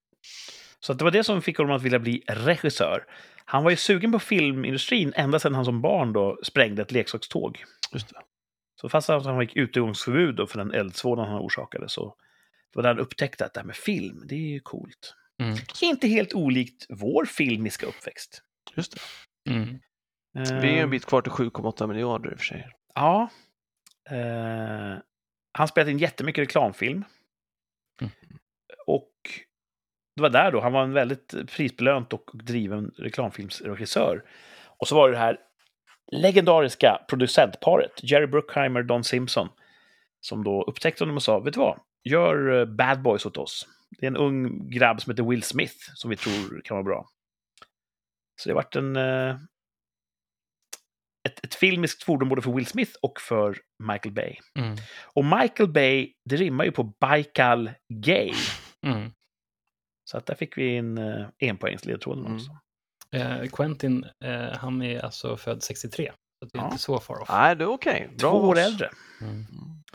Och jag vet inte hur mycket hans filmer har spelat in. Men Nej, jag tänkte också det. Nej, det känns mycket, inte som så här, alltså, succéfilmer, men eller ja, hur ska jag säga? De är otroligt kanske. populära, men det känns som att, man, Mm. att det, man, ja, det känns som att Transformers spelar in mer än en Tarantino-film, fast den borde Mm. inte det. nej, så är det ju. Uh, Asses in Seats är ju var pengarna kommer ifrån. Ja, Mm. Och en ser mer- dålig film kan ju få jättemånga tittare. Ja, det är att mer, det finns en förväntan på det den. större publik tror jag som går och ser en men Transformers. det är väl det. trots Eh. Tarantino, han har ju lite ganska, ganska, ganska gråa filmer ibland som kanske inte passar. Eh, tar bort ganska många asses i många säten. Eh, Första Transformers är jättebra. Ja, det är. Så att, uh, mm. ja, där fick vi lära oss någonting om regissören Michael Bay. Bra Mm. Ja, svår, svår. Så det var kul att höra av lyssnarna nu. Var det så att det här var svårt för alla? Eller var det någon som tog det tidigare än Oss. ett poäng? Mm. Martin, vad ville du skriva där på två poäng när du fick eh, mothugg? Ja, det var Bay. Ja, det var, du ville skriva Bay då? Ja, att det Ja, då- skulle rimma på lite gay. rätt kan man jag. ge Martin Tycker jag. Absolut, eh, såklart. Två Mm. poäng fick Martin. mm. Nej, nej, nej, nej, nej. Nej, men jag bara tänkte att det måste. Ja. För mig Och det var, två, det var två poäng du insåg att du var fel ute, Thomas. Ja, eh, det Ja. där med reklamfilm och Mm. praktikant kan jag tänka mig att man, men reklamfilm tror jag inte han gjorde, utan det känns som att han finansierade sig själv på något sätt. När han, Tarantino jobbar i videobutik. mm, just det.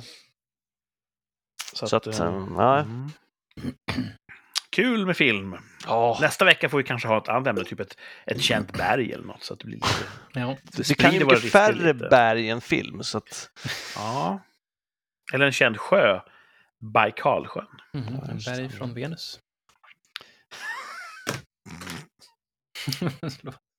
Har inte du, Thomas, en borr? En handborr ja, som heter Venusberg? ja, mina föräldrar har det. Ja, men I vår bok så är det som Det- att du har det- det. En, en Ja, sån liten handjagare. Jag tror den hade känns det. nice. Ja. Venusberg. Mm. Mm. Släng aldrig den.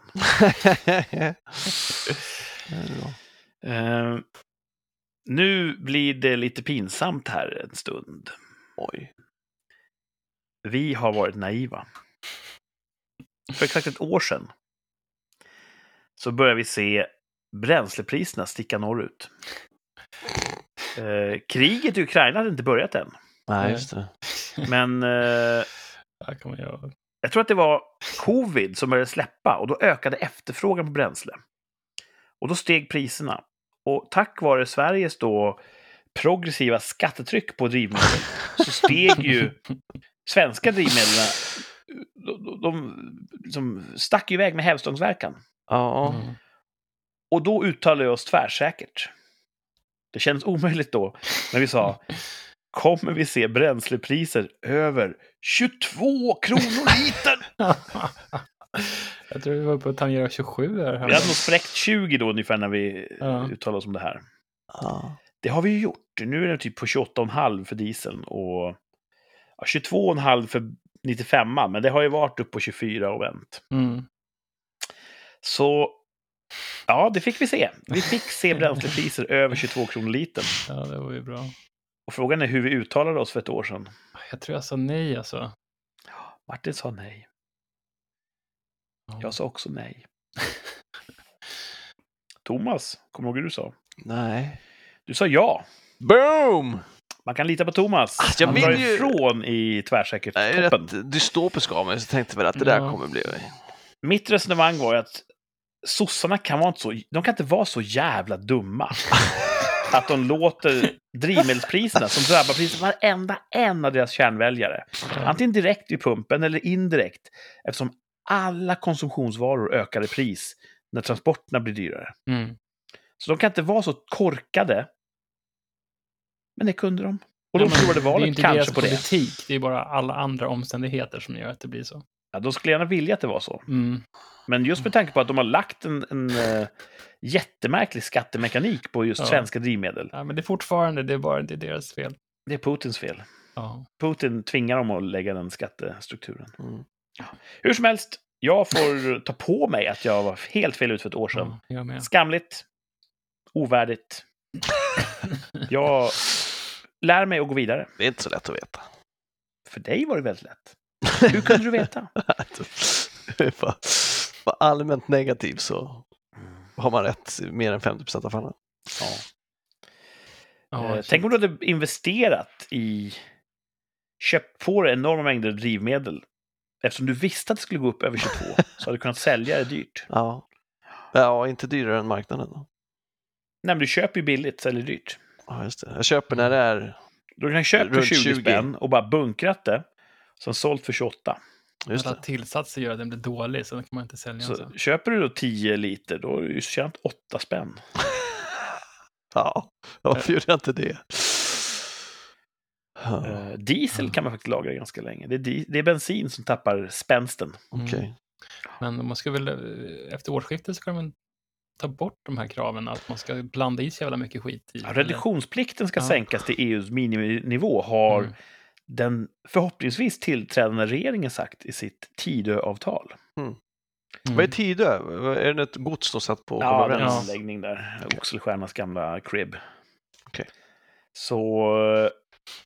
Ja, det är där vi står nu i vår samtidshistoria att Uffe och Jimmy och Ebba och Johan Persson de har ju tillsammans då sagt att de tänker bilda regering. Regeringen kommer Moderaterna, KD och L stå för. Mm. SD står utanför regeringen, men kommer ha då avtalad insyn i regeringens planer. Och de kommer vara med och, och, och, och bolla lite idéer sådär. Det är väl så ungefär de vill beskriva samarbetet. Mm.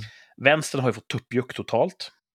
Eh, men det kanske de hade fått hur det än hade blivit. Alla lösningar där inte vänstern bestämmer är ju skäl för tårar och, och tandagnisslan. Mm. Så jag, jag tar det med nypa salt än så länge. Jag har fått höra väldigt mycket starka eh, varningar om att nu är nazismen här och demokratin är avskaffad och etc. etc. Mm. Det är pinsamt att ta ut så stora växlar i förskott skulle jag säga.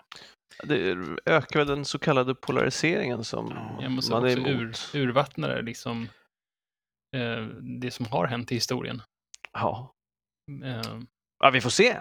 Vi får Ja. se. Om ett halvår kanske. ja, det kanske är dödsläge. Om se. de får rätt att det är så att vi kommer aldrig mer ha demokratiska val, då får jag vackert be Märta Stenevi om ursäkt. Då hade hon rätt. Mm. Men jag är ganska säker på att hon kommer inte be mig om ursäkt om det visar att hon hade fel. Det är det som skiljer Märta Stenevi och mig. Mm. Det, jag skulle vilja- ha ett utvecklingssamtal med henne. Mm. Ja. Mm. Det det, vi får se. Det är ju... De röstar väl imorgon ifall Kristersson Ja, ifall det blir någon sån accepteras regering. som Ja. Mm. statsminister. Det ska bli otroligt intressant. För det kan om det inte går igenom, då är vi ju i det här jävla decemberöverenskommelsen igen. Då kommer det ta Ja. fyra månader och bli något havsjobb. Och det är ju, det här är så svårt för mig som en enkel människa att förstå, men just statsministeromröstningen, där räcker det med att riksdagen tolererar statsministern. Mhm. Så då, då, om folk lägger ner sina röster så gör det ingenting. En majoritet får inte ha röstat emot, så tror jag att det funkar. Eh, Där kan man kolla upp. Eh, sen när det handlar om budgeten, då måste ju en majoritet här, rösta för, jag för mig. Så just statsministeromröstningen kan nog gå vägen. Men vadå, folk då- kan väl rösta emot? Ja, men det verkar de inte vilja göra lika ofta som de bara lägger ner sin röst, den här gula knappen. Jaha, okej. Så mycket pekar på att han faktiskt kommer bli vald till statsminister. Men sen ska han då få igenom sin budget. Mm. Och där har de ju då textat ett mandats övervikt, en, en extra stol till sin fördel i riksdagen. Så på pappret ska det räcka. Det är så jävla jämnt alltså. Men, tvärsäkert uttalande. Oj! Inom ett år från nu kommer en liberal rösta emot ett regeringsförslag. Thomas säger tvärsäkert ja. Mm. Vill du utveckla? Jag vet inte vad ett regeringsförslag är. Det heter väl typ proposition, heter det va? Om det är från regeringen, och motion från riksdagen, eller så är det tvärtom. Ja, någonting som behöver omröstas i riksdagen.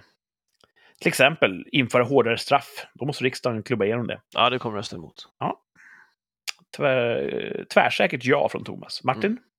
Alltså han har ju sagt att just i, i, i frågan imorgon här så kommer det vara alla gå åt samma håll, men... vet ja, men jag tror också att han kommer... Någon jävel kommer sticka ut. Uh, de kommer inte hinna rensa leden um, till massa ja-sägare, utan... eh, det här har hänt ganska mycket på kort tid, känns det som. Ja, det kommer bli politiska det- vildar och det kommer bli Ja, jävla det kommer nog hända någonting. Att någon, någon kommer, om det är så långt spann och så många chanser till att eh, ställa Mm. till det så kommer det säkert bli så. Martin säger ja. Mm. Jag säger tvärsäkert ja. Det enda du kan vara riktigt säker på här i livet, det är skatten, det är döden och att en fucking liberal kommer välja den upplevda godheten framför det rätta. Ja. Så självklart kommer någon uh, herrejösses liberal att följa samvetet och rösta emot något förslag. Mm. Och därigenom vara så god så att den sänker den här regeringen och så blir det politiskt kaos och så vidare. och så vidare. Eh, va- vadå, bara rösta emot ett, en proposition är det inte så farligt. Ja, men till slut blir det ju så att om inte Ja, ja, ja, riksdagen får igenom, regeringen får igenom någonting så då faller den ju. Ja. Så eh, det, det kan inte gå fyra år utan att en liberal gör exakt det vi känner dem för och hatar dem för. Så det kommer, de, kommer, de kommer sabba det här. Och det ironiska är, de är också så här indignerade nu att "Bup, bup, bup, bup, bup, i den här överenskommelsen, vi fick ge upp jättemånga saker som vi tycker är bra.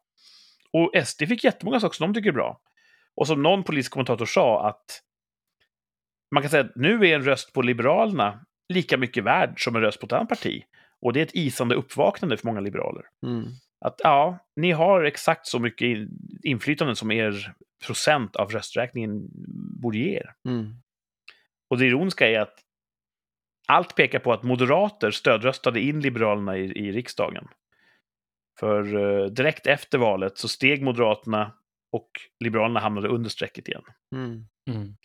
Så eh, det är väl fint att Liberalerna upplever sig ha ett hjärta och har högst moral av alla. Men de kommer ju fucka upp det här. Det fanns ju en Mm. anledning till att de var så universellt hatade och var på väg ut ur riksdagen. Var de Så- universellt hatade? Ja, ja, ja. Så att, eh, det kan vi lita på. Ja, ja, ja, från alla Ja, tre. eh, Tvärsäkra uttalanden. vår nya tids eh, miljöparti kanske, som håller på och stökar, Mm. ställer till det. Mm. Ja, det är kul i Stockholms stad, som är en känd svensk huvudstad. Eh, där har ju vänstern, alltså sossarna, Miljöpartiet, vänstern har tagit över styret. Japp. Det blir roligt för Mm. de som råkar befinna sig i huvudstadsregionen ibland. Känner ni någon som gör det? Ja. Ehm, enligt den retoriken som verkar gälla så antar jag att det kommer bli då som i, i Gulag i Stockholm.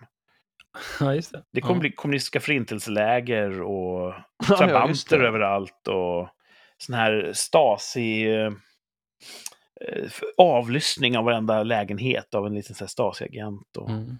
Det är väl så man spelar det här spelet. Om man tar ett påhittat attribut, drar det till sin spets och så förfasar man över det. Ja. Mm. ja, det är så himla Synd. synd. Stockholm som var så fint.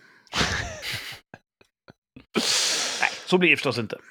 nej, så blir det förstås inte. Det är Nej. så konstig retorik kring allting liksom. Jag tror att både Stadshuset och Globen kommer stå upp om fyra år. Mm. Så att... Eh, ja, Ja. kul med politik. Mm. Egentligen inte. Egentligen inte. Nej. Men kanske något kul händer i veckan som kommer. Vad, vad har ni på gång? Ens vi får ju på det. besök av uh, The Superboss. Oj, babybossen. Nej, typ vdn för hela koncernen kommer hälsa på. på. Så det blir... Han är tysk eller? Ja, så Mm. får vi skärpa oss. Hoppas han är nöjd med det han ser och sådär. Det var lite stressigt inför hans besök, så det är väl det måndag, tisdag också. Sen så får vi, får vi se. Det är puts och studs på allting. Ja, vi försöker, vi ska få det då. Ja. Gött. Ja, Ehm, det, vi hade ju exakt den situationen på en övning eh, för inte så länge sedan. kom kungen. Nej, vi fick ett, eh, en kommuniké från eh, överställd enhet att chefsbesök. Oh. De här och de här kommer att dyka upp någon gång runt det här klockslaget. Mm. Och då sa vi till, ja, då ser vi till att styra upp det här. Få ordning all materiel, styr upp eh, staben precis som vi vill ha den. Så som vi vill visa upp den. Mm. Så gjorde han sitt jättebästa och, och fixade till snyggt och fint. Sen kom de aldrig. Ah, fan! Men det var ju fint. Så det var ju ändå värt något. Ja, det är Mm. sant. Så tänk om inte chefen kommer, då får ni ändå fint. Det är ju värt något. Så är det. Uh, tror du att du kommer träffa chefen? Jo, vi ska eh, träffa dem allihopa. Där. Har du träffat honom förut? Gud, nej, nej. Nej. Mm. Tror du att du kommer trycka hans hand? Nej, det tror jag inte. Han kommer ändå vara i samma rum som dig. Jo, men det är alltså, alltså han hälsar hela, alltså tar emot eh, Okej. alltså, alla anställda. Vi ska mötas i mötesrummet. Liksom. Ja, du kommer inte prata med honom, tror Det du? ho- hoppas jag att jag slipper. Jag blir så Har du nervös. förberett några talespunkter ifall det blir så att du har Nej, en det har jag inte. What are you doing here? han. Skoltyskan har du börjat... Nej, Läste du tyska i skolan? ja. Ja, då har du ju värsta försprånget. Värsta Mm. försprånget. Mm. Mm. Ja, men du vet, vill du upp på koncernnivå och spela med de stora killarna, måste du ju ta den här tillfället i akt. Ja, Mm. ja, vi får se. Jag hoppas att, att jag inte gör bort mig bara. Det tror jag inte. Du kan ju skoltyska. Mm. Mm. Knappt. Mm. Martin då, Eh, hur går det med din karriär? Ah, jag får se. Ehm, nej, men nästa vecka blir det som alla andra veckor, säga. Det finns en jättebra roman om det där, en svensk roman. Jag kommer inte ihåg vad den heter. Måndag eller vecka. Det handlar om en, en eh, kvinna på ett eh, gods någonstans, 1800-talet. Och hon vill typ följa kärleken, följa sitt hjärta. Men till slut så inser hon att nej, jag gör inte det. Så hon låses in på vinden. Och så sitter hon där livet ut. Och typ, boken slutar med något väldigt så här, målande beskrivning av hur alla hennes dagar blir exakt likadana tills hon dör. Jesus Christ, Ja, man. fin, fin, fin bok. Ja, Jag måste kolla upp vad den heter. Så, ja, den låter fantastisk. lästips. Men det är Martins eh, liv. i en vecka. Mm. Mm. Nej, men det blir lite arbets, eh, arbetsvecka, eller på att säga. Vi ska arbetsplikt i båtklubben. Ja. Eh, Man ska byta ut en brygga. Då ska vi liksom sopsortera den, eller på att säga. Man ska ta isär den och eh, forsla bort den från marinan. Så det kommer bli jäkla mycket jobb. Men, Coolt. ja, så den, den dagen avlöses sen av vår årliga vedhuggarhelg på landet. Ooh. som vi kallar den för. Det är egentligen att vi åker till svärföräldrarna och blir, eh, får massor med god mat efter vi har typ hjälpt till lite grann och stängt landet för vintern. Mm. Hugger lite ved och fixat Hugga ved är kul. Ja, men det är kul. Så det är bara det är kul. Det är inte så mycket arbete. Det är bara myspys. Så det blir så lite höstiga grejer som börjar komma, rada upp sig nu. Mm. Så, ja, det är, det är lite mysigt. Hoppas det blir myshöst. Hoppas. Mm. Jag eh, ska jobba en del kvällsinspelningar i veckan här. Mm. Oh! Lite synd. Det har blivit så att alla kvällsinspelningar börjar inkräkta på mitt privatliv. Mm. Jag kan till exempel inte ha så mycket rollspel med grabbarna som jag skulle vilja. Mm. Det är synd. Det är synd. Men, eh, man gör sin plikt så att man kan kräva sin rätt. Så är det. Ehm, jag försöker också fundera på om jag behöver en ny frisör. Asså, vad är det för fel på den du har? Den jag har är ganska dyr. Wow. Eh, nu har de höjt till 620 spänn. Ja. Mm, Eh, Kanske inte dyrt där ni kommer ifrån, men här är det jättedyrt. Mm. Och många andra som jag eh, föreställer mig gör ett lika bra jobb med en okomplicerad frisyr som min. Tar kanske 300-400 spänn. Mm. Men det är lite grann som att byta kampsportsklubb, att man vet ju inte vad man får. Nej, Tänk du om kan jag ju går till testa en någon- gång. Som inte förstår mig och ser ut som ett jävla eh, ollon efteråt. Det vill man inte. Det växer ju ut igen, du kan ju testa en gång. Ja, men jag vill inte vara ful ens en dag. Jag är väldigt fåfäng. Ja, men Ja.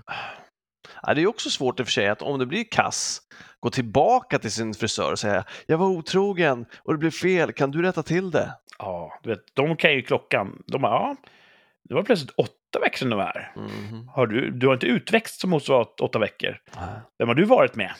Precis. Mm. Så att, eh, Men sen är det inte bara att byta salong, man måste byta som frisör också. Du måste hitta en frisör, så det kan ju vara, finnas flera som är olika bra på samma ställe. ja. Det är svårt.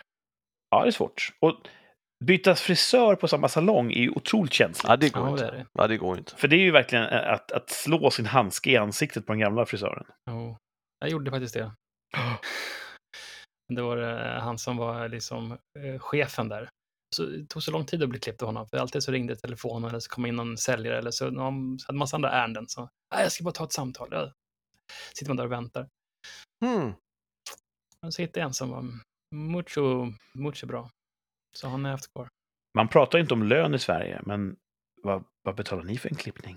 Alltså jag tar ju skägg och, hår, skägg och hår 650 typ, något sånt där. Oj, det är en bra deal. Det är en superbra deal. Mm. Vart då? Ja. Nere, i- nere i centrum.